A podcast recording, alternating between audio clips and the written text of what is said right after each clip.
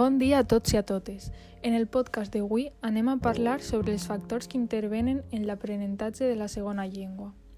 Hi trobem tres factors principals, els quals són l'input, l'output i les característiques personals. L'input és el bagatge lingüístic que rep un aprenent de la segona llengua. Amb bagatge lingüístic ens referim a la quantitat i qualitat de parla que un alumne rep per part del seu entorn, ja siguin les famílies o el professorat. I a partir eh, d'aquest bagatge pot seleccionar i extraure regles que anirà incorporant al seu sistema d'interllengües. Aquest sistema fa referència a una construcció que integra tres aspectes. El primer són les regles de la primera llengua de l'aprenent. El segon, les regles de la llengua que està aprenent i el tercer són que de vegades també eh, inclou les regles que no pertanyen a cap de les dues llengües però que el parlant va creant a partir d'unes hipòtesis, les quals eh, formen part del procés d'aprenentatge d'una llengua.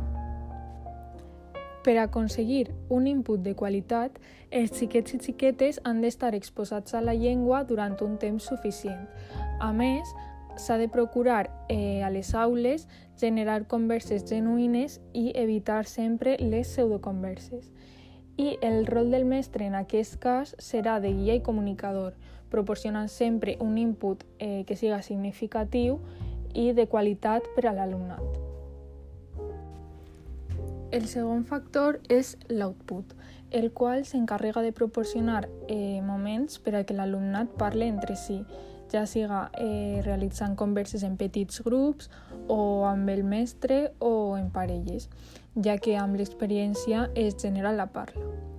I finalment eh, trobem les característiques personals, entre les quals el primer factor que influeix és l'edat la qual és molt important a l'hora d'aprendre una llengua, ja que eh, molts estudis consideren que fins als 12 o 13 anys els xiquets i xiquetes eh, poden aprendre molt millor una llengua perquè tenen més capacitat d'imitació i memorització que altres persones més majors.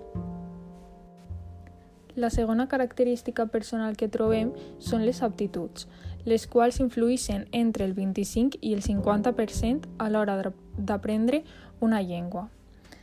Eh, seguidament trobem la motivació, per a la qual cosa és necessari que els mestres se centren en els interessos de l'alumnat, eh, la qual cosa farà que estiguin més motivats de cara a l'aprenentatge d'una nova llengua.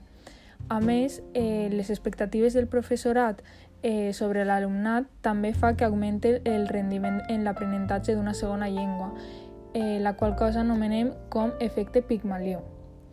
Eh, la quarta característica que trobem és la personalitat, ja que factors com l'extroversió o la introversió eh, poden influir significativament en l'aprenentatge de la segona llengua.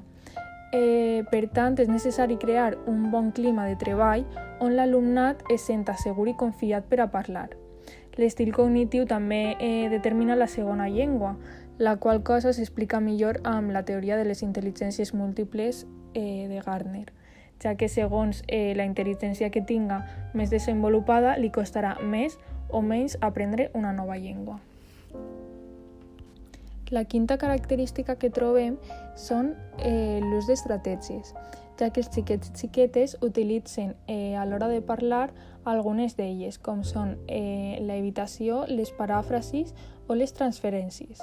I per últim, eh, la última característica que trobem és l'actitud, ja que eh, l'actitud que l'alumnat tinga de cara a l'aprenentatge també influirà en l'adquisició d'una segona llengua. És a dir, si les actituds eh, són positives, li costarà menys aprendre i, d'altra banda, si són negatius, eh, de cara a l'aprenentatge, el resultarà més difícil. Bé, i fins així el podcast d'avui. Espero que us hagi agradat.